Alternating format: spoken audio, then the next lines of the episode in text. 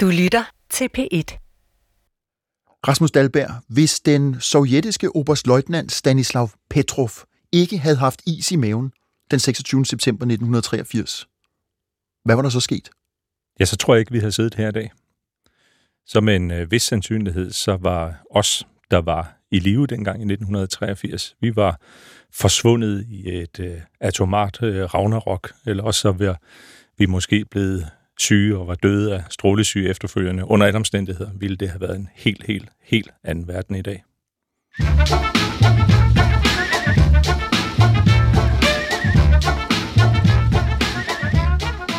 Nogle gange er historiens udvikling, på samme måde som ens eget liv, et spørgsmål om tilfældige hændelser. Til andre tider er den et resultat af bestemte beslutninger. Hvordan ville det for eksempel være gået, hvis den sovjetiske oberstløjtnant Stanislav Petrov i 1983 havde stolet mere på sin radarskærm, der viste, at et amerikansk atomangreb var på vej, end på sin egen mavefornemmelse, der sagde ham, at der var noget rivravruskende galt? Mit navn er Adam Holm, og jeg vil i denne serie se på nogle konkrete begivenheder, hvor historien kunne have fået et andet udfald. I den forbindelse kan det være nyttigt at vende historien på vrangen og kigge facit efter i sømmene. Måske det hele kunne have set anderledes ud på godt og ondt. Velkommen til Hvad nu hvis?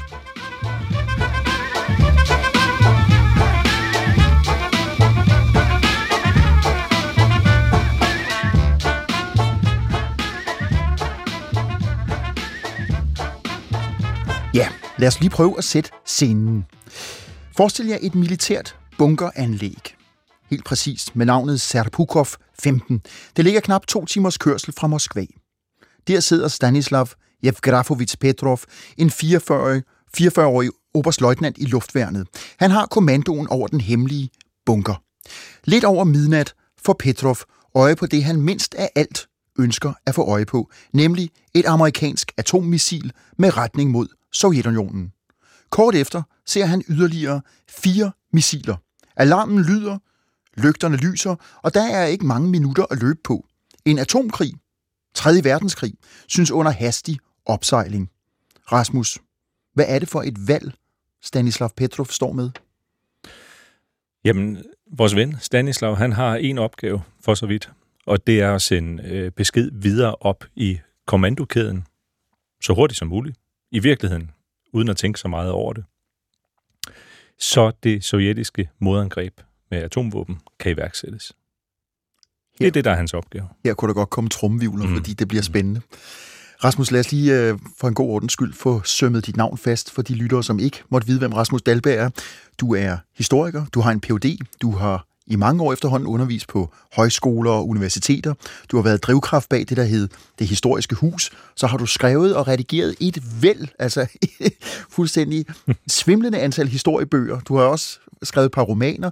Så har du i mange år skrevet for Weekendavisen. Og nu har du så fundet ro, hvor jeg lige vil sige, nu er du tilknyttet Forsvarsakademiet som forskningsadjunkt, hvor du blandt meget beskæftiger dig med krigsteori og militærhistorie. Mm. Og så er du altså stadig skrivende og talende, som man vil kunne høre.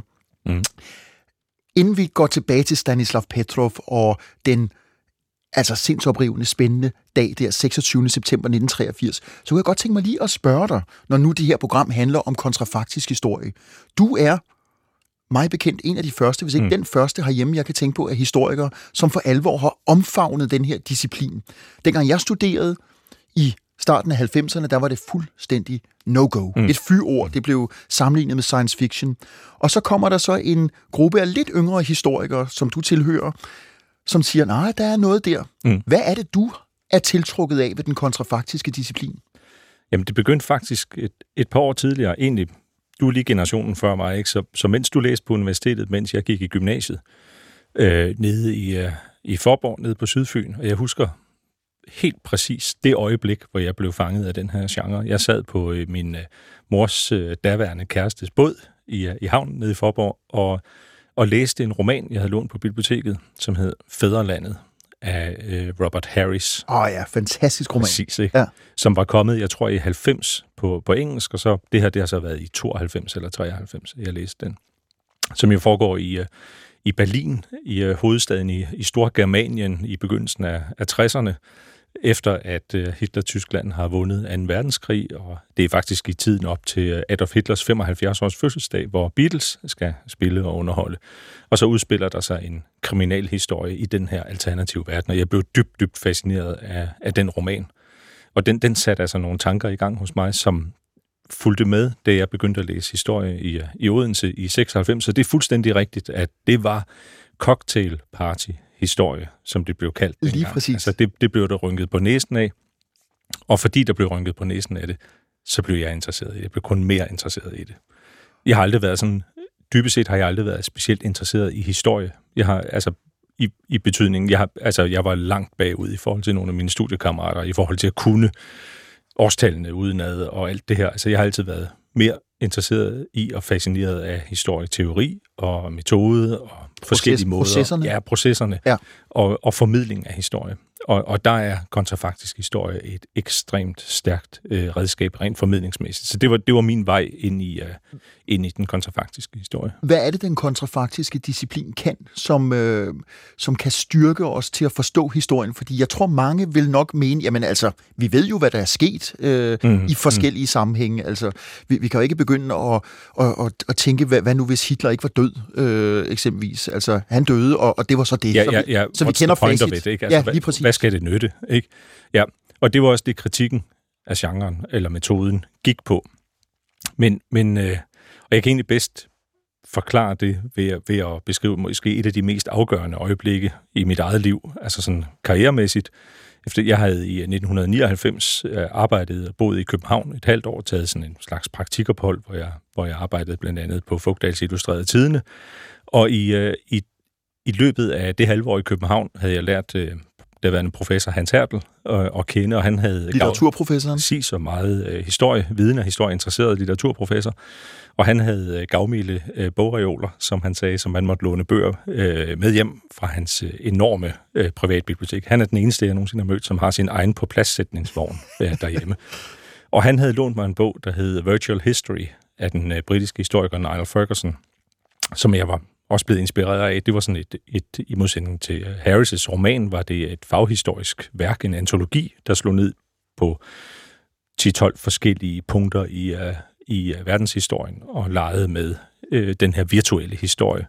Det synes jeg var rigtig godt, og den var kommet i 96, og så var der kommet en svensk bog i 98, og nu var vi i 99, så det, det var sådan lidt den der en øh, lidt spralske historieformidling, den kommer tit fra den angsaksiske verden, og så tager den lige en tur omkring Sverige. De har et godt bogmarked og nogle gode historieforfattere derovre, og så kommer det til Danmark, hvor vi er lidt mere, lige lidt mere kedelige og har traditionelt set været lidt mere kontinental europæiske, tyske i vores øh, tilgang til, øh, til historie, skrivning, historievidenskab. Og så blev jeg inspireret, da jeg kom hjem fra det der ophold i, i København, så kan jeg huske, at jeg havde lært en masse mennesker at kende. Så sad jeg hjemme ved køkkenbordet i december 99 lige efter decemberorkanen, og så havde jeg et visitkort i hånden. Det var sådan det, jeg havde fået ud af min, mit øh, lille år i, i København. Øh, og det var øh, øh, et visitkort, der tilhørte øh, den daværende redaktionschef på forlaget Aschehaug. Og så tænkte jeg, nu ringer jeg til ham, for jeg har en idé, jeg vil sælge til ham. Så ringede jeg til ham, og så får man det kender du jo også, så får man de der 30 sekunder til at lave en elevator pitch. Ja, pitch, sin, ja. ja. præcis, ikke? Mens han lagde, jeg kunne høre, han lagde fødderne op på skrivebordet og tændte en cigaret, der måtte man ryge indenfor stadigvæk dengang. Og så sagde jeg, jeg kunne godt tænke mig at lave en bog om historie, der ikke blev til noget. Og så var der stille lidt i røret. ja, det har der været. Og så, og så sagde han, ja, hvorfor ikke lave en bog om historie, der rent faktisk blev til noget? Det er der mange andre, der har haft succes med før dig. Så, og så havde jeg de der 30 sekunders rum til at prøve at forklare ham det. Og det, jeg sagde til ham, det var, prøv at høre, det handler jo i virkeligheden ikke om, hvad der kunne være sket, eller hvad der ville være sket. Kontrafaktisk historie handler altid om det, der skete, men spejlet i et mulighedsrum. Og derfor, det, det er ligesom den, hvad skal man sige, mere øh, øh, øh sådan savlige forklaring på og resonemang bag kontrafaktisk historieskrivning.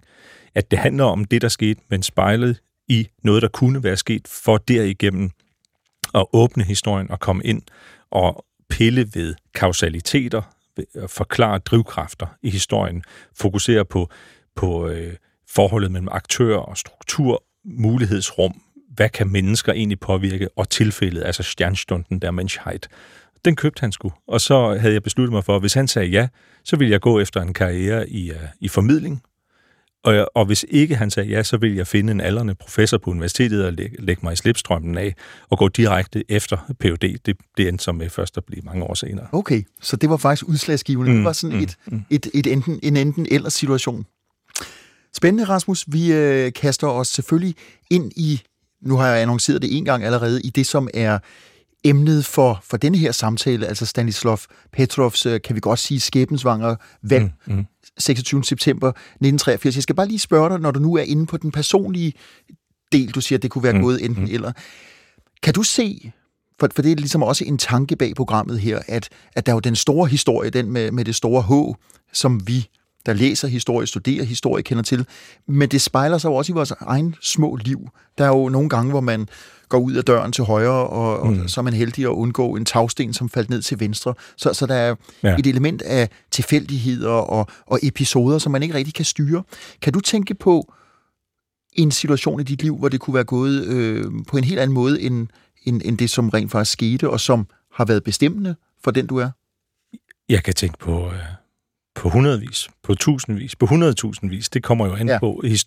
Historien er ligesom livet og naturen jo selv similær. Ikke? Altså, du kan blive ved med at zoome ned på den og komme ned i, i mindre og mindre afgørende øjeblikke.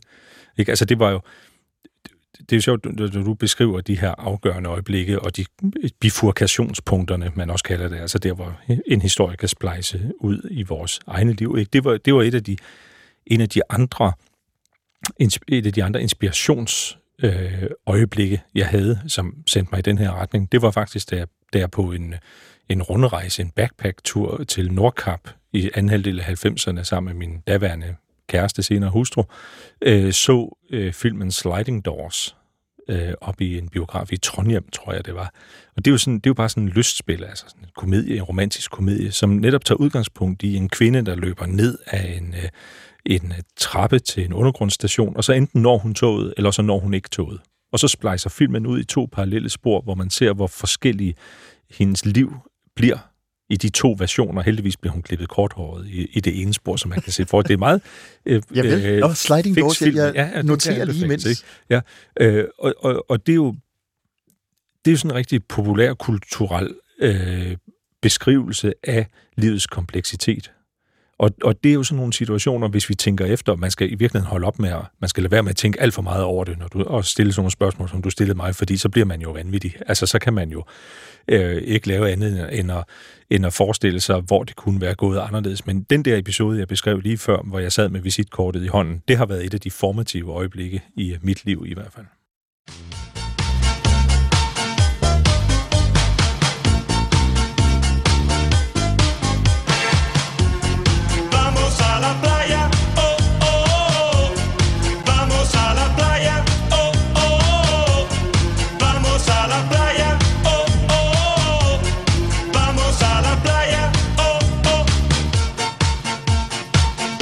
Man kan godt kalde det lidt et sceneskift, men øh, nu bevæger vi os nemlig ind i materien. Det her, det er et af de helt store hits fra sommeren 1983. Kender du det, Rasmus? Ja, ja. Du var et ung menneske på det tidspunkt. Det var jeg også. Ja, jeg var øhm, kun 6 år. Det var den italienske popduo Rigieri, der lavede sangen Vamos a la playa. Det er jo spansk, og betyder kom, lad os tage til stranden. Og jeg troede i mange, mange år, at det var sådan et sovløst omkvæd, mm. indtil øh, min medtilrettelægger og journalistiske kollega Mikkel Clausen fortalte mig, at den her sang er langt mere alvorlig.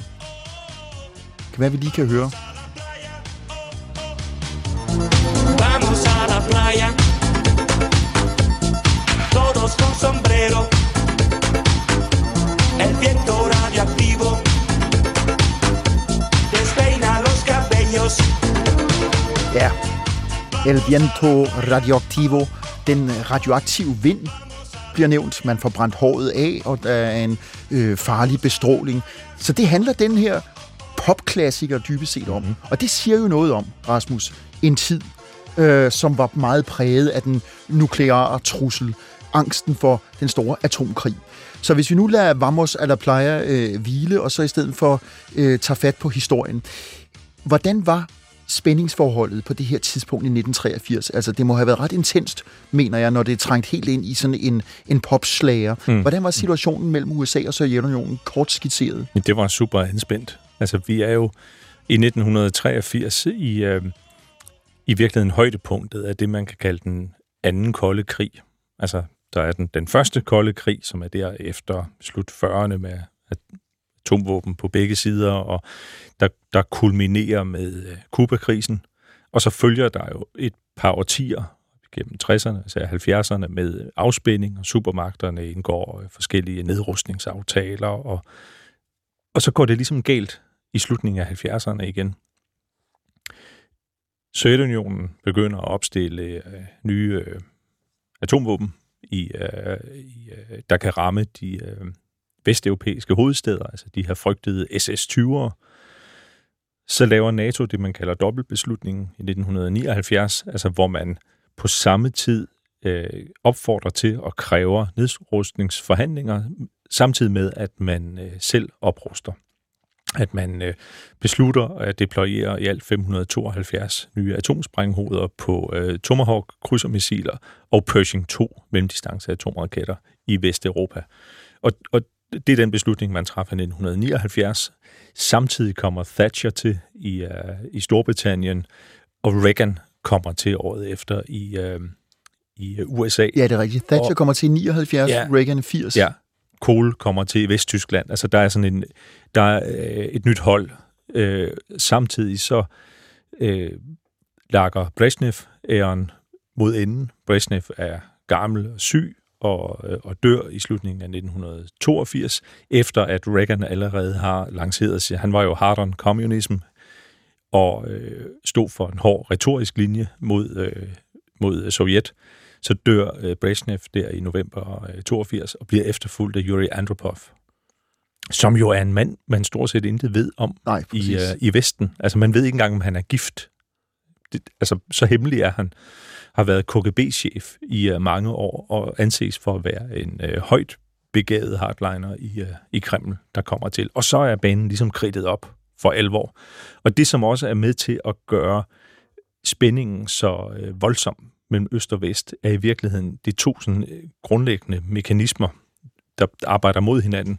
Det er øh, tiltagende grad af dårlig økonomi i Sovjet, som er stedkommet af noget så simpelt som dårlig høst, fejlslagen høst flere år i træk i, øh, i begyndelsen af 80'erne, og så en økonomisk krigserklæring fra USA, som er jo Reagans, Reagan-administrationens øh, strategi over for, øh, for Sovjet, at man presser dem, man opruster, fordi man har formodning om, velbegrundet formodning om, at det sovjetiske system ikke vil kunne følge med i et våbenkapløb med USA, så vil Sovjet simpelthen falde fra hinanden.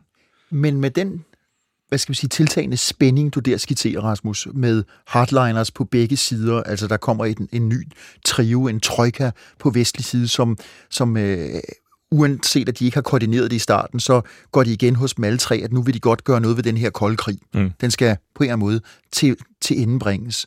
Øh, så, så der er, den her, der er det her politiske pres. Men er der også en risiko for atomkrig, eller er det mest på det retoriske plan?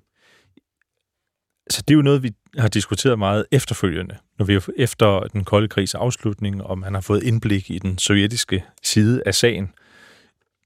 Men, og, det, og det er virkelig det, der er vigtigt her omkring 1983, fordi risikoen var der for, at den foranstående økonomiske kollaps i Sovjet kunne skubbe hardlinerne i det sovjetiske styre i Kreml ud over kanten og vælge en krig frem for at se øh, det sovjetiske system falde fra hinanden. Okay, men det var den del, jeg lige søgte ja, efter, fordi ja. når vi har valgt det her sovløse pophit, Vamos a la Playa, som jeg jo altså, som er fra tiden selv, mm, mm. Altid har betragtet som øh, ikke andet end en simpel ørehænger, mm, mm. pludselig for at vide, jamen det, den handler dybest set, eller den afspejler i hvert fald en del af den frygt, der var i tiden, så er det velbegrundet. At ja, ja. Den altså, der var jo en udbredt atomkrigsfrygt. Altså, jeg, som sagt, jeg, jeg er født i 77, men jeg husker det. Det er nogle af mine tidligste erindringer sådan om samfundsforhold. Er jo i virkeligheden øh, TV-avisen omkring, de havde sådan et bestemt logo for jerntæppet med nyheder om øh, supermagternes øh, konflikt med hinanden og sådan noget. Ikke? Og, og de her øh, tests med øh, sirenevarsling, og jeg, jeg husker jo, jeg er måske tidligt skadet, og det er derfor, jeg er endt der, hvor jeg er. Øh, men jeg, jeg husker jo stadigvæk de her sider fra, øh, fra telefonbogen med, hvad man skulle gøre, altså civilforsvars øh, oplysningskampagner til borgerne og, og den slags. Så, så der var en reel atomkrigsfrygt, men også en begrundet, altså en risiko for, at det her kunne, at det her kunne ske. galt. Ja. Og hvis det var gået galt, og det kommer vi jo til at tale om lige om et øjeblik, Rasmus, men øh, på sådan en overordnet plan, havde begge parter så meget sprængkraft, at det kunne have været menneskehedens udslettelse? Det var jo det hele terrorbalancen baserede sig på under den kolde krig, at hver side havde atomvåben nok til at slå ikke kun modparten ihjel, men ødelægge hele jorden. Altså det var jo det, og man kan jo sige, overordnet set virkede den jo, den tankegang, at hvis man havde så mange atomvåben, at alle ville dø, at man brugte dem, så ville ingen bruge dem. Men det kræver jo en forudsætning for, at den balancegang, den terrorbalance, den virker. Det er jo det, man kalder paritet. Altså, der skal være ligevægt imellem det antal atomvåben, de typer af atomvåben, begge sider har, men også den måde, de kan bruge dem på. Og, og, og, og en af de væsentligste grunde til, at det blev så farligt i 83, det er i virkeligheden, at den her paritet begynder at, der begynder at blive rykket ved den, fordi Reagan holder en tale i marts 1983, hvor han præsenterer stjernekrigsprojektet.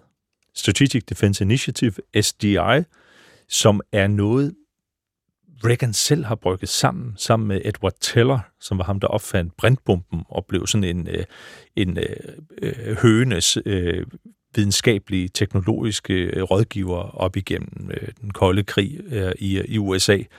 Og, og han havde altså Reagans ører, ikke? Og øh, så sætter Reagan sig til øh, skrivebordet i øh, det øh, ovale kontor og taler til befolkningen, viser plancher og præsenterer den her idé om et rumbaseret laserforsvarssystem. Altså simpelthen øh, satellitter med laserkanoner i, som ved hjælp af spejle og de her kraftige laser skulle kunne ødelægge modparten, altså Sovjetunionens atommissiler, før de kunne ramme USA.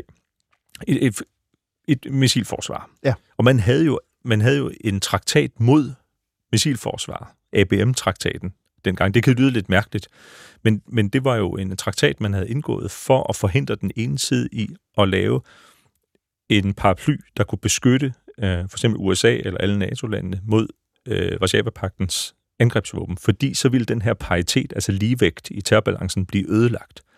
Og det er jo virkelig det, Reagan han nu rykker ved. Ja.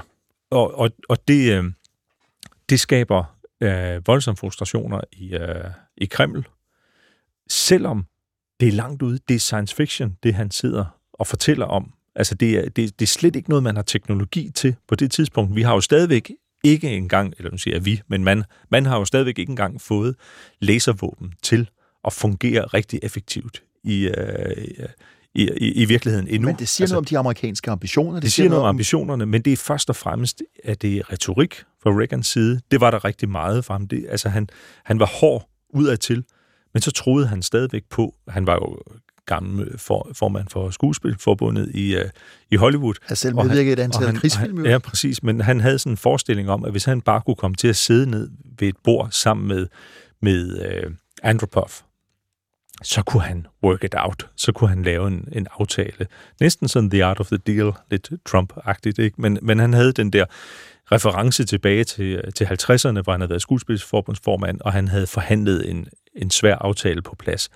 Men han, og det han ikke helt fangede på det her tidspunkt, det var, hvor meget vægt hans ord havde, når han sad på tv og lavede en regulær krigserklæring i form af en økonomisk udfordring til Sovjetunionen. Lige præcis, Rasmus. Nu kan jeg lytte nu ikke se, at jeg lige ved at gå ud ja. med god skin af interesse for at komme til, fordi det, det er nemlig dybt interessant, det emne, du der skitserer.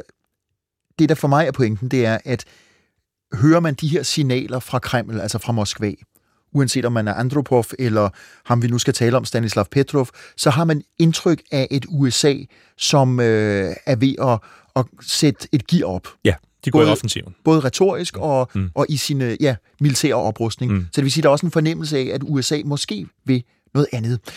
Lad os så komme ind på Stanislav Petrov. Mm. Nu har vi kredset om ham nogle gange, og vi har været inde på, øh, det nævnte jeg indledningsvis, at han var oberstløjtnant i øh, det sovjetiske flyvåben. Vi skal lige høre en bid fra et interview øh, med tysk tv, som blev lavet nogle år før hans død i 2017. Bare lige så vi hører hans stemme. И в такую тихую, тихую обстановку вдруг врывается резкий рев сирены. И вот этот на команду подсвечивается полоса, написано «Обнаружен старт баллистической ракеты». Ja, jeg er ikke russisk kyndig. Det, øh, der fremgår af det tyske interview, er, at Stanislav Petrov taler med en journalist og fortæller om, hvordan han reagerede i de mm. der minutter øh, lidt over midnat 26. september 1983. Han blev selvfølgelig overrasket og forskrækket, og han siger også, at han var nødt til at træffe en beslutning i situationen, og han anede ikke, hvad der ville være det rigtige. Han måtte stole på sine instinkter. Rasmus... Ja, han har henvist mange gange i mange interviews til sin mavefornemmelse. Ja, til sin mavefornemmelse. Til sin mavefornemmelse. Lige præcis. Ja. Øh, hvem var Petrov? Hvad var han rundet af? Hvad var hans opgaver? Jamen, Stanislav Petrov, han var, han var søn af en uh, russisk uh, kamppilot fra uh, 2. verdenskrig. Han var gået militærvejen selv, og uh, ender jo så, som du fortæller her, som, uh, som oberstløjtnant i, uh, i luftforsvaret. Altså hans ja, opgave, luftforsvaret. Jeg ja, siger flyvåbnet. Luftforsvaret, ja, det er rigtigt. Altså det, det er jordbaseret luftforsvar. Ikke? Så hans opgave, det er at, at, at, at øh, bemande og, og lede vagthold i den her Sapukov 15 bunker uden for Moskva, som modtager signaler fra øh, satellitter og fra øh, radarstationer. Man, har, man havde de her øh, BMEWS-radar, som de hed, eller hedder stadigvæk, som er sådan nogle store jordbaserede radarsystemer, ligesom den, øh, der står på Tule, øh, som kan se øh, hen over horisonten øh, og, og se øh, missiler i luften. Som sådan en kombination af de her forskellige indhentningsmetoder, øh, det bliver samlet i den her bunker og til øh, et, øh, et operativt billede af, hvad der foregår, så man så hurtigt som muligt, altså det er early warning, det handler om. Det handler om så hurtigt som muligt at få nys om, at der sker et eller andet, at der er missiler, der bliver fyret af på den anden side, fordi man havde de her berømte cirka 25 minutter, ikke? altså 25 minutters flyvetid. Så det er beregningstiden? det nordamerikanske kontinent til øh, det sovjetiske øh, moderland og omvendt. Ikke? Altså, så det, det vil den reaktionstid, man vil have. Hvis der var tale om en, øh, et regulært overraskelsesangreb, så kunne man så også forvente missilnedslag meget før, fordi begge parter jo havde missilubåde, som lå tæt på fjendens kyster og kunne affyre kortere rækkende missiler, og med henblik på at slå øh, militærmål ud. Ja, og så var reaktionstiden selvfølgelig endnu kortere. Så det handlede om, fra begge siders vedkommende, at kunne reagere så hurtigt som muligt. Og Petrov, bare lige for at, øh, at få det fuldstændig korrigeret af en mand, der er tilknyttet mm. Forsvarsakademiet. Mm. Altså, når man sidder der i en hemmelig bunker og er oberstløjtnant, så er det, fordi man er en systemets mand. Ja, altså han er jo i hvert fald militærsystemets mand. Ja. Altså, vi, vi, øh, vi ved ikke så meget om, jeg ved i hvert fald ikke så meget om hans øh, ideologiske øh, holdninger. Nej, det altså, er du ret i. Jeg ja. vil sige, jeg tjekkede også selvfølgelig ja. et par gange i researchen, ja, og, ja. og det fremgår, at hans øh, far var, som du selv siger, øh, man, pilot, pilot ja. øh, men ikke medlem af Kommunistpartiet. Nej. Og det ved jeg heller ikke om Petrov. Altså man får indtrykket af, af Petrov som en militærmand, rundet af det militærsystem, i langt højere grad end af det kommunistiske samfundssystem. Rigtigt. Øh, men du var inde på det, Rasmus, bare lige for at være sådan helt på det rene med, de instrukser, Petrov havde der mm. i, i bunkeren, altså det øjeblik, hans varslingssystem fortæller, at der er noget galt, og er noget galt i, ved i den her sammenhæng jo sige... Missilaffyring. Missilaffyring. I USA. Ja. Så har han... Han har en opgave. En opgave. Det er at ringe videre op i systemet. Og, og, give, og, og, og, og videregive den her information til sin overordnede, som så tager beslutningen. Det er ikke ham selv, der beslutter, om der skal iværksættes et nukleart modangreb. Men hans opgave, det er at, at være et meget vigtigt led i, øh, den her kommandokæde på vej opad til. Og det skal gå stærkt, og det sker jo så efter nogle klare retningslinjer, nogle, man har nogle direktiver og nogle instrukser for, hvordan man gør det. Det nytter jo ikke noget, at du først skal stå og finde nummeret til de Nej, det, det er klart. ordnet i den situation. Ikke? Men ved du jo, for, bare de får sammenligningen fra, øh, fra USA, hvor man havde det, der hed SIOP, altså Single Integrated Operations Plan, som jo har en, det, altså hele forløberen for internettet hænger jo sammen med det, at man lavede computersystemer, som skulle kunne kommunikere, øh, også selvom visse dele af systemet var slået ud af preemptive strikes, altså af præcisions øh, atomangreb, som man lavede et system tilbage i 60'erne for at data selv skulle kunne finde vej igennem et komplekst netværk. Ikke? Så det var jo, i USA var man øh, typisk 10, 15, 20 år foran teknologisk i forhold til at bruge computersystemer til at, fordi de skulle gå så stærkt. Ja. Altså, det, det kan ikke nytte noget, at, Men- at, men de øh, havde at dog- du skal sidde og, og, øh, og foretage alle de her beslutninger og øh, manuelt, i, øh, mens missilerne er på vej. Men selvom USA, selvom amerikanerne havde et mere avanceret teknologisk system, så var russernes tilstrækkeligt, øh, hvad skal vi sige, udviklet til, at vi kan sige, at det var et moderne øh, elektronisk system, og de havde øh, varslingssystemer, som var til at, at stole på, skulle man tro. Ja, de havde satellitter De havde satellitter. og, og, præcis. og radar, og det, typisk under den kolde krig, så kompenserede Sovjet for at være lidt bagud teknologisk kvantitativt. Så havde man til gengæld øh, mange, mange flere fly, eller mange flere folk, eller øh, mange flere missiler. Ja, og vi bliver nødt til lige at, som vi har gjort nu, at gøre lidt ud af det, fordi det er ret afgørende Mm, for at mm, forstå, mm. hvad det er, der sker her den 26. Men september. det er en ret ny satellit, den der er sendt op. Og det er et øh, forholdsvis nyt, nyudviklet øh, stykke software, man bruger til at analysere de data, der kommer ned øh, fra satellitten. Altså det, der sker her i Se- Sepukov-bunkeren og i de datasystemer. Ikke? Altså man får de her signaler ned fra satellitten, som hænger og kigger hen over øh, USA, og skal holde øje med, med nogle varmefølsomme kameraer, for at man skal holde øje med de her røgfaner fra missiler, der bliver fyret af. fra Som- så man har egentlig grund til- missilfarme. Ja, så, så man har grund til, man, i det her tilfælde Petrov, egentlig at tro, at, at teknologien eller øh, varslingssystemet er i orden. Altså, Ja, det, altså, det, det er jo ikke helt- noget skråt fra... Nej, det er det ikke. Det, og det er jo fundamentet for det her system. Det er, at du er nødt til, når det buller og brager, at stole på, at øh, man har lavet de test og de øvelser, der skal til. Ikke? Men, og han får så de her, som du som malerisk beskrev det i, uh, i indledningen til programmet, ikke? først et, et blip på skærmen, fra en, øh, der indikerer, en, at satellitten har set en missilafføring et eller andet sted i den amerikanske midtvest, og så får han fire blip mere. Og så er det jo faktisk, altså, et, et blip kan være en fejl. Ja. Ikke? Det, det vil de fleste af os tænke, ikke? Der Yderligere kommer fire, fire blip mere. Der er fire missil. Nu er der fem missiler i luften. Hvad, hvad er det så, der sker der i bunkeren? Fordi, som jeg har læst, Petrov, det skal siges, i mange år holdt han helt tæt mm. Mm. om det her. Det var han tvunget til. Først efter Sovjetunionens fald begynder den her historie peu en peu, skridtvis at blive Ja, den fortalt. kommer ud i, jeg tror, det er 98 den kommer faktisk, nemlig som, ud så sent. i en bog, som, han, som hans gamle chef øh, udgiver en erindringsbog, og så breaker den her historie. Lige præcis. Og han har ikke selv sagt noget, Petrov. Øh, Og det har været højt klassificeret. højt klassificeret. Så det kommer ud øh, sådan øh, lidt efter lidt. Men det, jeg har læst mig til, det er, at Petrov den 26. september, han er egentlig lidt træt på det her tidspunkt. Det er midnat, og det er, for nu at sige det på ikke russisk, men engelsk, just another day Ja. at the job. Øh, han sidder og keder sig lidt, og så kommer blippet. Mm. Hvad er det så, som du har læst og hørt, der sker i Jamen, bunkeren? det han selv har fortalt i, øh, i mange interviews øh, efterfølgende, er jo, at, at han ser de her, først et, så fire mere, i alt fem blip, der indikerer fem missilaffyringer. Og så er det jo, at han skal ringe. Så skal han ringe op i systemet. Og så er det hans mavefornemmelse stopper ham og få ham til at vente. Og få ham der, og det er ikke fordi, at der er sådan specifikt, som jeg har forstået det, at han skal inden for så og så mange sekunder give beskeden videre. Ikke? Han skal selvfølgelig verificere, at der er tale om en, øh, en øh, øh, reel øh, missilaffyring. Men hans mavefornemmelse siger ham, at der er ikke nogen, der starter 3. verdenskrig med kun fem missiler. Det er det, det, er det han forklarer. Altså, for han siger, de ved jo, at vi sender det hele tilbage, altså et fuldskala modangreb tilbage i hovedet på dem.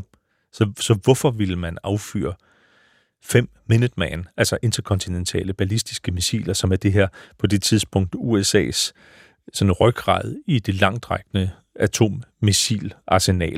Det er jo ikke, det er jo ikke sådan nogle præcisionsvåben, det her. Det her, det er det, man kalder city busters. Ikke? Altså det er øh, langtrækkende interkontinentale missiler med et antal sprænghoveder, der kan, øh, altså det, det hedder multiple re-entry vehicles, sådan som missilet ligesom splitter op uden for atmosfæren, og så et sted mellem 3 og 10 sprænghoveder kan så øh, selvstændigt øh, trænge ind i atmosfæren igen og ramme byer.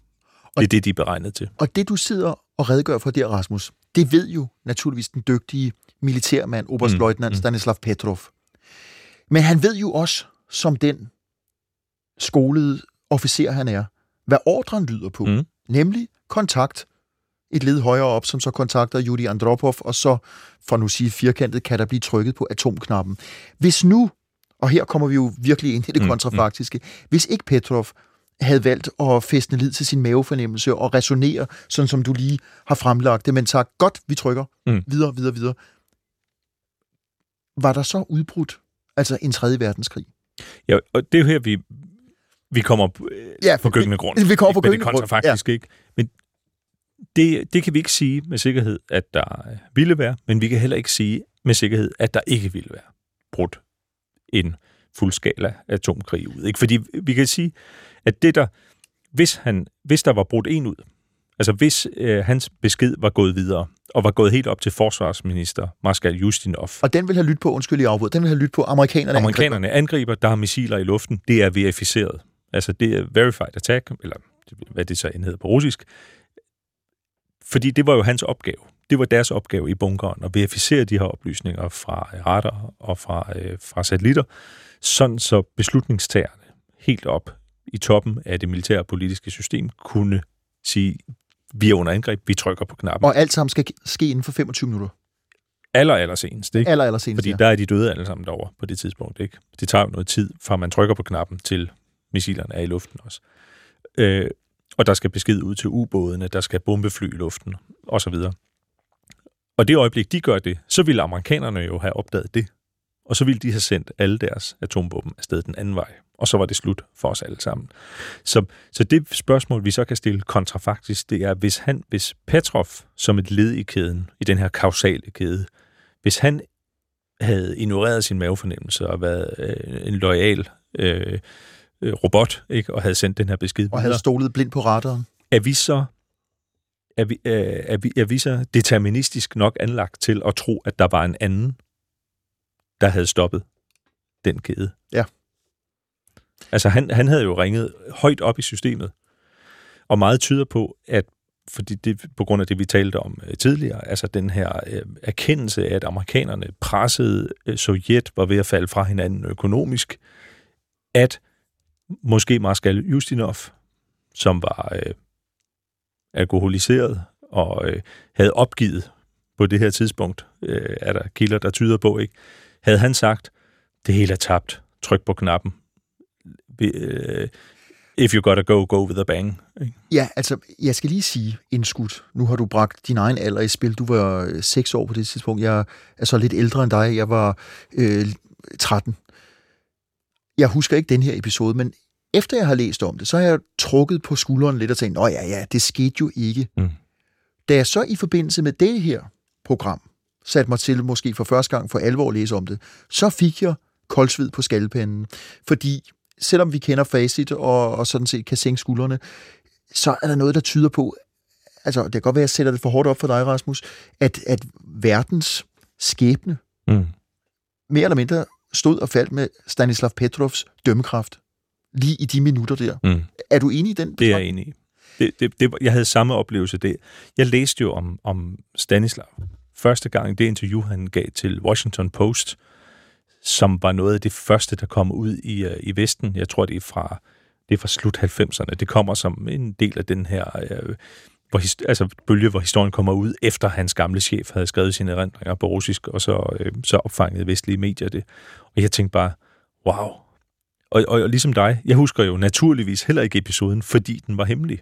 Men du husker sikkert også en af de andre episoder fra nogle uger tidligere, nemlig nedskydningen af den sydkoreanske øh, øh, jumbojet, Korean Airlines 007, som 1. september, altså fire uger før øh, Petrov-episoden, Ja, det var for, meget stor. forviler sig ind over øh, sovjetisk luftrum ude ved, øh, ved øh, Sakhalin, ude ved Kamchatka øh, i, øh, i Fjernøsten, og bliver skudt ned af en, øh, et, øh, et sovjetisk øh, kampfly med øh, tab af 300 mennesker. Det er blandt et amerikansk kongresmedlem, som jo er sådan en af de episoder, det er lidt sådan en pendant til noget af det, vi taler om i dag, med, hvor der igen er overflyvninger tæt på blandt andet dansk territorium af russiske fly og sådan noget, ikke? Altså, hvor man, hvor man sådan tiger hinanden lidt, og man ser, hvor langt kan man gå, og man prøver de andres luftforsvar i Østersøen og øh, langs Norges kyst og sådan noget, ikke? Og, det, og, og det gjorde amerikanerne også rigtig meget i starten af 80'erne. Det kalder man PSYOPs, altså Psychological Operations, det her, hvor man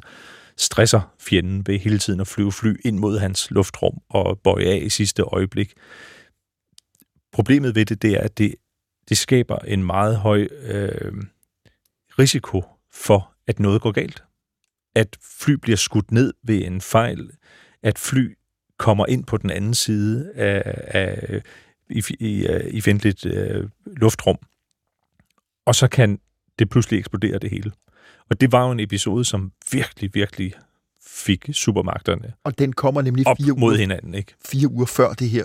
Det er fuldstændig rigtigt. Ja. Så det er jo, ligger jo også må have ligget i baghovedet på Petrov og på alle, som egentlig er involveret i det her, øh, at det kan være øh, endnu et resultat af en fjendtlig Det har i intervention. hvert fald bidraget voldsomt til den anspændte situation. Ja, den- Samtidig så er der en meget stor NATO-øvelse under opsejling til afvikling i begyndelsen af november, Able Archer 1983, som, som er en, en øvelse, der skal træne øh, krig i Europa mellem øh, NATO og Varsava-pakten helt, hele vejen op til øh, nuklear eskalation, altså til, at man rent faktisk begynder at anvende atomvåben. Og det var faktisk meningen, at den amerikanske præsident skulle være med i øvelsen som, som, øh, så, og spille sig selv. Og det, sådan en øvelse har man jo også efterretningsmæssigt nys om, selvfølgelig i, øh, i, øh, i Øst, og at man ved fra kilder, der er blevet tilgængelige efter den kolde krigs afslutning, at øh, Sovjetunionen frygtede, at den her Able Archer-øvelse skulle bruges som et skalkeskjul for et rigtigt overraskelsesangreb på, øh, på øh, Varsava-pakten. Og, og det er jo i, i det her øh, spind af efterretninger og øh, øh, forestillinger og spændinger, at Petrov bliver en aktør. Præcis. Fordi nu sker det. Nu, kommer, nu, nu, nu bliver missilerne skudt af. Og det ved vi jo så. Altså, vi kan jo godt lukke luften ud af det i den forstand, at det blev de ikke. Men, men vi skal jo prøve lige at tykke lidt på, hvad nu hvis muligheden. Mm. Mm. Fordi du siger, øh, måske sådan med, med en lidt stor håndbevægelse, jamen så var vi alle sammen blevet slået ihjel øh, på begge sider. Altså, kan, kan vi lige prøve at, at være en smule mere detaljeret? For nu at tage os selv. Mm. Nu peger jeg på København, på Danmark. Altså, hvordan vil vi være blevet ramt? Altså, du sagde helt indledningsvis, vi havde måske ikke siddet her, mm. Hvis, øh, hvis det var gået på den måde, som kommandostrukturen lagde op til. Mm. Så havde vi ikke haft den her samtale, Rasmus Dahlberg. Min kollega Mikkel Clausen havde ikke siddet og trykket på teknikken, og lytterne havde ikke lyttet med. Mm, mm. Så havde der været øh, ingenting. Stubemark og nogle få overlevende i ulveklæder måske. Men, men altså, hvad ville der være sket med Danmark? Ja, hvad ville det er ikke med... Einstein, der sagde, at han ikke vidste, med hvilke våben man ville udkæmpe 3. verdenskrig, men han havde en formodning om, at 4. verdenskrig ville blive udkæmpet med kæppe og sten. Jo, lige præcis. Ja, men altså, det, hvis Petrov, og, og netop som du siger, vi kan godt afmontere, der var ikke missiler i luften. Det var en, en, en teknisk fejl i satellitten. Det var en softwarefejl, eller et, et hul i softwaren, der fejlfortolkede solens refleksioner i skyer over amerikanske missilbaser, som, af, som røgfaner fra, øh, fra missiler. Øhm, og, det, og det var det, som Petrov havde en mavefornemmelse af, at der må være en, der er, det er ikke rigtigt det her. Ikke? Ja. Og, og, øh, og det finder han jo så ud af, ved at han venter længe nok til, at hans radarer på jorden ikke ser de missiler. Altså, fordi der ikke er nogen missiler. Så, så, bare lige, så er det cementeret, ikke? Altså, det var en teknisk fejl. Ja. Øhm, hvis han havde givet ordren, eller beskeden videre, ordren var givet til at aktivere øh, den sovjetiske øh, atom øh, modangrebsplan, og man havde sendt de langtrækkende interkontinentale ballistiske missiler afsted. SS-20'erne. Øh, ja, og, og, og, og det, der var Og meget det, der var værre, dem, ja, ikke? præcis. Altså dem, der kunne flyve hele vejen til, øh, til USA, ikke? så havde amerikanerne jo iværksat et modangreb også. Og, og her er vi jo i en atomkonflikt, som så egentlig ville være, hvad skal man sige, top-down, ikke? altså starte med slutningen. Det er jo ikke en Forstået hvordan? forstået på, at hvis nu en konflikt mellem øst og vest under den kolde krig var begyndt med øh, kampvognsslag i øh, Fuldadalen nede i Tyskland, ikke? og sådan en langsom eskalation over nogle uger, hvor man så begynder at bruge større og større våben, så begynder man, altså på et tidspunkt begynder man at anvende taktiske atomvåben, altså små atomvåben, sådan nogle øh, slagmarksvåben, øh, så vokser det til en øh, til mellemdistance atomvåben, hvor man begynder at skyde på hinandens byer i øh, Øst- og Vesteuropa, og slutter så i den store øh, Armageddon, hvor alt er tabt, og arsenalerne af de langtrækkende missiler, som ligesom afslutter øh, den her det er fuldbyrdelsen af den atomare eskalation. Ikke? Det er jo sådan den klassiske konfliktoptrapning. Og det var der, vi ville være startet i september 83. Ja, det ville den jo ikke, fordi man ville faktisk være startet med slutningen. Ja, det er det, jeg mener, ja, med, ja, Armageddon. Ja, ja, ja, ja. Og derfor kunne man jo forestille sig, at det, som amerikanerne ville have svaret igen med, hvis Sovjet som konsekvens af de her øh, blips på skærmen havde udløst deres langtrækkende missiler, det var også et modangreb med langtrækkende atommissiler. Ikke? Fordi det er jo det eneste. Det, du kan ikke, selvfølgelig havde man nogle bombefly på vingerne. Dengang der havde man ligesom round the clock øh, B-52'er i, øh, i luften med atomvåben, men man ville jo ikke på den korte flyvetid, de sovjetiske missiler ville have mod USA, have tid til at få resten af atomflyflåden i luften osv. Så, videre. så det var missilerne, man ville have brugt. Fordi vi egentlig starter på det øverste eskalationstrin. Det interessante ved det er jo så, hvor efterlader det Europa? Hvor efterlader det Danmark, som du spørger til? Altså, så kunne vi jo have stået hernede og, og set øh, sporene fra missilerne ligesom mm. mødes på himlen, øh, når de fløj fra øst mod vest og fra vest øh, mod øst. Så, så øh, der vil ikke nødvendigvis være blevet anvendt atomvåben direkte mod Danmark, mod øh, Europa. Det tror jeg egentlig ikke i den her situation. Men det ville jo have været tale om så store mængder af meget kraftige atomsprænghoveder, der ville være bragt i anvendelse, at det ville have i høj grad også påvirket Europa, fordi der ville være kommet følgevirkning, altså det, man kalder atomvinter, ja. som jo er den, øh, det naturfænomen, der sker, når man enten ved øh, atomeksplosioner eller meget store meteornedslag, det var det, der gjorde det af med dinosaurerne, ikke? Øh, eller vulkanudbrud, kan der simpelthen sprænge så meget materiale op i atmosfæren, at det spreder sig ud over hele jorden og dækker for solens stråler, hvorved temperaturen sænkes på hele jorden. Så det havde været en umiddelbart større risiko for os. Og så er der strålingsfaktor. Og så er der strålingsfaktor. Hvis man lige der er jo kun to steder i, i historien, heldigvis, kan vi så sige, selvom det er meget, meget tragisk, hvor atomvåben er blevet bragt til anvendelse i krigssituation, nemlig Japan i begyndelsen af august 45, Hiroshima og Nagasaki. Mm. Og jeg øh, gætter på, at de fleste lyttere er bekendt med øh, billederne derfra og, og historien. Øh, mange, mange tusind mennesker. Og det var jo blev dræbt. Og det var, men det var jo relativt små. Det var det, jeg ville til at spørge til. Altså, øh, det var 10-15 kiloton sprænghoveder.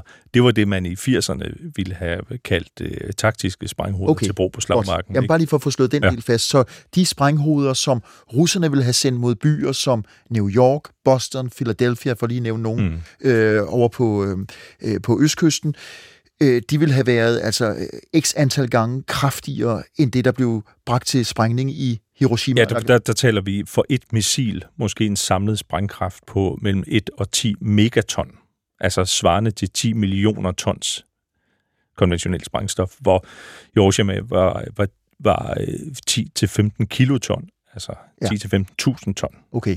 Og, og, så og, kan og, og igen, som jeg, som jeg forklarede før, ikke, så havde man der i 80'erne de her øh, øh, uafhængige øh, sprænghoveder i et missil, der så deler sig på vej ind så, øh, så hvert sprænghoved måske er på 150-200 kiloton, men de spredes ud i sådan en vifteform, når de trænger ind igennem atmosfæren, og så rammer ud over en hel by. Så et missil vil være nok til for eksempel at, at fjerne øh, Boston fra, øh, fra landkortet. Et missil kunne have fjernet Boston, mm, mm. og et amerikansk missil kunne måske have elimineret Moskva eller øh, ja. Leningrad.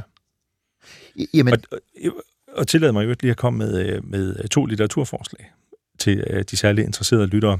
Der findes en, øh, en virkelig øh, god bog, en roman, der hedder Trinity's Child øh, af William Prochnow, som øh, beskriver i romanform, set fra piloternes synsvinkel, det vi taler om her, piloterne på en B-52'er. Den er filmatiseret også under titlen By Dawn's Early Light. Øh, den skal man ikke det, det, det er bogen Trinity Child, man skal ja, læse. hvor man følger besætningen på en B-52'er på den, øh, den sidste den sidste rute øh, på vej til det, man kaldte The Grand Tour, ikke? hvor de skulle op og tanke op ved Thulebasen. Det var jo primært en lufttankningsbase til at forøge øh, rækkevidden for de her øh, langtrækkende bombefly, og så ned over øh, Sovjet og ned over Moskva. Og den anden bog, som, som også er en roman, der inspirerede mig meget, øh, hedder Resurrection Day, og er skrevet af Brandon Dubois. Øh, jeg skal nok lægge de her titler ud på min Facebook-side, hvis der er nogen, der vil, der vil øh, have, øh, have links til dem, øh, som øh, godt nok går tilbage til, til Kuba-krisen i begyndelsen af 60'erne, men handler om, foregår i, uh, i Boston, og man følger en, et antal øh, personer, som har overlevet atomkrigen, okay. nede i øh, kloaksystemerne under byen, og øh, hvordan de så kommer op til overfladen igen efter og op i ruinerne af de her amerikanske storbyer. Og giver de et billede af, altså nu er det jo selvfølgelig mm, mm. fortænkt og, og her i en fiktiv ramme, men giver de bøger, du der nævner, egentlig et billede af, hvordan det kunne være blevet øh, sådan ja. i al tænkelighed? Ja, meget øh, skræmmende realistisk, og det var, øh, de her bøger er begge lidt øh, nyere dato, men det var jo, øh, der var en stor øh, litteratur, ikke mindst filmografi fra den her periode, øh, starten af 80'erne, hvor man viste på film og i tv-serier de her forestillinger om, øh, hvordan slutter det. Altså, hvad, hvad er det, der vil ske i en øh, atomkrig? Altså, hvor det bedst kendte eksempel er The Day After fra 1983, ja. den her berømte amerikanske øh, atomkatastrofefilm. Og det minder mig om, Rasmus Dahlberg, hvad vil have stået tilbage igen, altså efter et, et tænkt scenarie, hvor de to parter, som en meget brutal tenniskamp, har udvekslet mm. en slagserie af beskydninger med missiler i varierende øh, styrke. Altså, øh, hvad havde man af forestilling om, hvad der vil være tilbage, hvis vi nu tager det, det vestlige, eller i den her sammenhæng, amerikanske perspektiv? Altså, det kommer selvfølgelig an på, om de var gået hele vejen. Altså, The Day After, filmen, beskriver en begrænset atomudveksling. Altså, den beskriver i virkeligheden, man, man hører det lige i starten af filmen, det er jo sådan en klassisk katastrofefilm, hvor man følger nogle forskellige personer, i det her tilfælde i, øh, i omkring Kansas, øh, hvor de, der kommer sådan nogle nyhedsbulletiner ind først, hvor man hører om den her konflikt i Europa, øh, der eskalerer op til en atomkrig. Men, men i The Day After, der formår supermagterne alligevel og, øh, hvad skal man sige, styre sig selv. Altså, det er ikke det fulde arsenal, der bliver udvekslet. Det er et mindre antal af de her øh, kraftige, langdragende øh, atomvåben. Og det er formentlig øh, fortællemæssige årsager i filmen, fordi ellers havde der ikke været meget at fortælle. Ikke? Altså, hvis de, er, hvis de alle sammen var, var døde. Så, så, så, fordi det, filmen gerne vil, det er at vise de... Øh, Ja, der er jo en ung Steve Gutenberg med i filmen, ikke, som på et tidspunkt tager sin kasket af, og al hans hår bliver siddende op i den. Ikke? Altså sådan de her stærke øh, visuelle øh, statements omkring konsekvenserne i form af strålesyge og så videre. Ikke? Så, så, så der er mange variabler i, uh, i spil her. Der var en britisk øh, øh, uh, BBC-serie fra året efter, fra 1984, der hedder Threats, som er lidt den samme historie, som viser uh, det fra indbyggere i forskellige steder i Storbritannien, hvor man oplever den her atomkrig. Den er noget voldsommere, og det er altså slutscener, nu spoiler jeg den lidt her, ikke, som er i stil med uh, The Road, den her berømte ja, ja. Uh, McCarthy's uh, bog og, og, uh, og film. Og man McCarthy's bog, ja, som ja. også bliver filmatiseret. Vi skal lige have rundet Petrov af, fordi han kunne stole på sin mavefornemmelse. Du har fortalt om, at det faktisk var en, skal vi kalde det en optisk illusion, øh, en, en, en fejl, Ja, i hvert fald en software. En, en software. mangel i softwaren, der en mangel i softwaren. de her signaler. Pyha, kan vi sige. Ja. Øh, men hvad blev egentlig, øh, hvad var systemets reaktion på Petrov, som stolede på sin mave, og ikke på systemets, hvad skal vi sige, kommandostruktur? Altså, der er floreret en myte, som jeg vist nok desværre kom til at viderekolportere i en af mine bøger. Den første, hvor jeg skrev et kapitel om Petrov tilbage i 2002, om at han blev fyret for ikke at gøre sin, øh, sin pligt. Og det blev han altså ikke.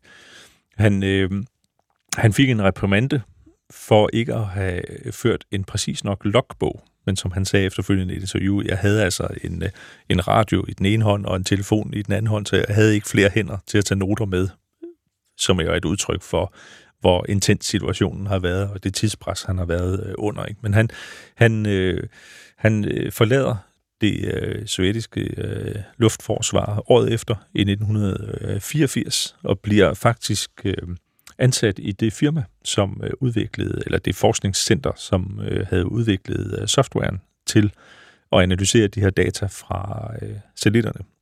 Fordi han havde jo prøvet på, Ja. hvad skal man sige, på første parket, øh, hvad konsekvenserne var af de her øh, mangel, Kan man roligt Øh, sige. mangler i, i softwaren. Men han trækker sig øh, få år senere, for han har en kræftsyg øh, kone, som han øh, øh, prioriterer at øh, tage sig af. Ja. Og, så- og, så, og så er han jo, han er jo bare en, en øh, anonym sovjetborger, der så lever også efter den kolde krigs afslutning russer, som bor i en lille lejlighed på en lille pension fra øh, den øh, russiske stat, Har slået sig på flasken, kan man læse. og så i et trist, trist boligbyggeri i udkanten af Moskva. Og så breaker den her historie i slutningen af 90'erne, og han bliver en, øh, han bliver en held med tilbagevirkende kraft, bliver opdaget, ligesom bliver inviteret til Vesten, får priser, får sådan en verdensborgerpris i 2006. Der bliver lavet en helt fantastisk dokumentarfilm om ham, The Man Who Saved the World, som faktisk er en dansk produktion, som blandt andet er inspireret af en bog, jeg skrev tilbage i 2005, der hedder 1983, som fortæller hele den her historie i detaljer, og også øh, øh, Petrovs historie.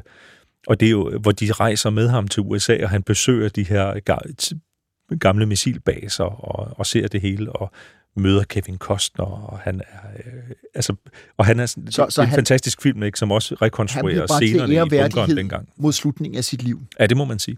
Rasmus Dahlberg på faldrebet. Hvad er, som du ser det, læren af Stanislav Petrovs handling for os i dag? Jeg synes, læreren er at i en tid, hvor kunstig intelligens for alvor tager over, ikke mindst i militærteknologi, med big data og algoritmer, så er det altså værd at huske på, at det, når alt kommer til alt, var en mands mavefornemmelse, der redder os alle sammen tilbage i september 1983. Fornemt. Rasmus Dalberg, historiker tilknyttet Forsvarsakademiet. Tusind tak, fordi du var med. Nu siger ikke min mavefornemmelse, men mit stopur, at vi skal øh, til at runde af. Så med disse ord, tak for i dag. Dagens udsendelse var tilrettelagt af min kollega Mikkel Clausen, redaktør og journalistisk sparringspartner på denne her kontrafaktiske serie. Mit navn er Adam Holm. På genhør næste gang.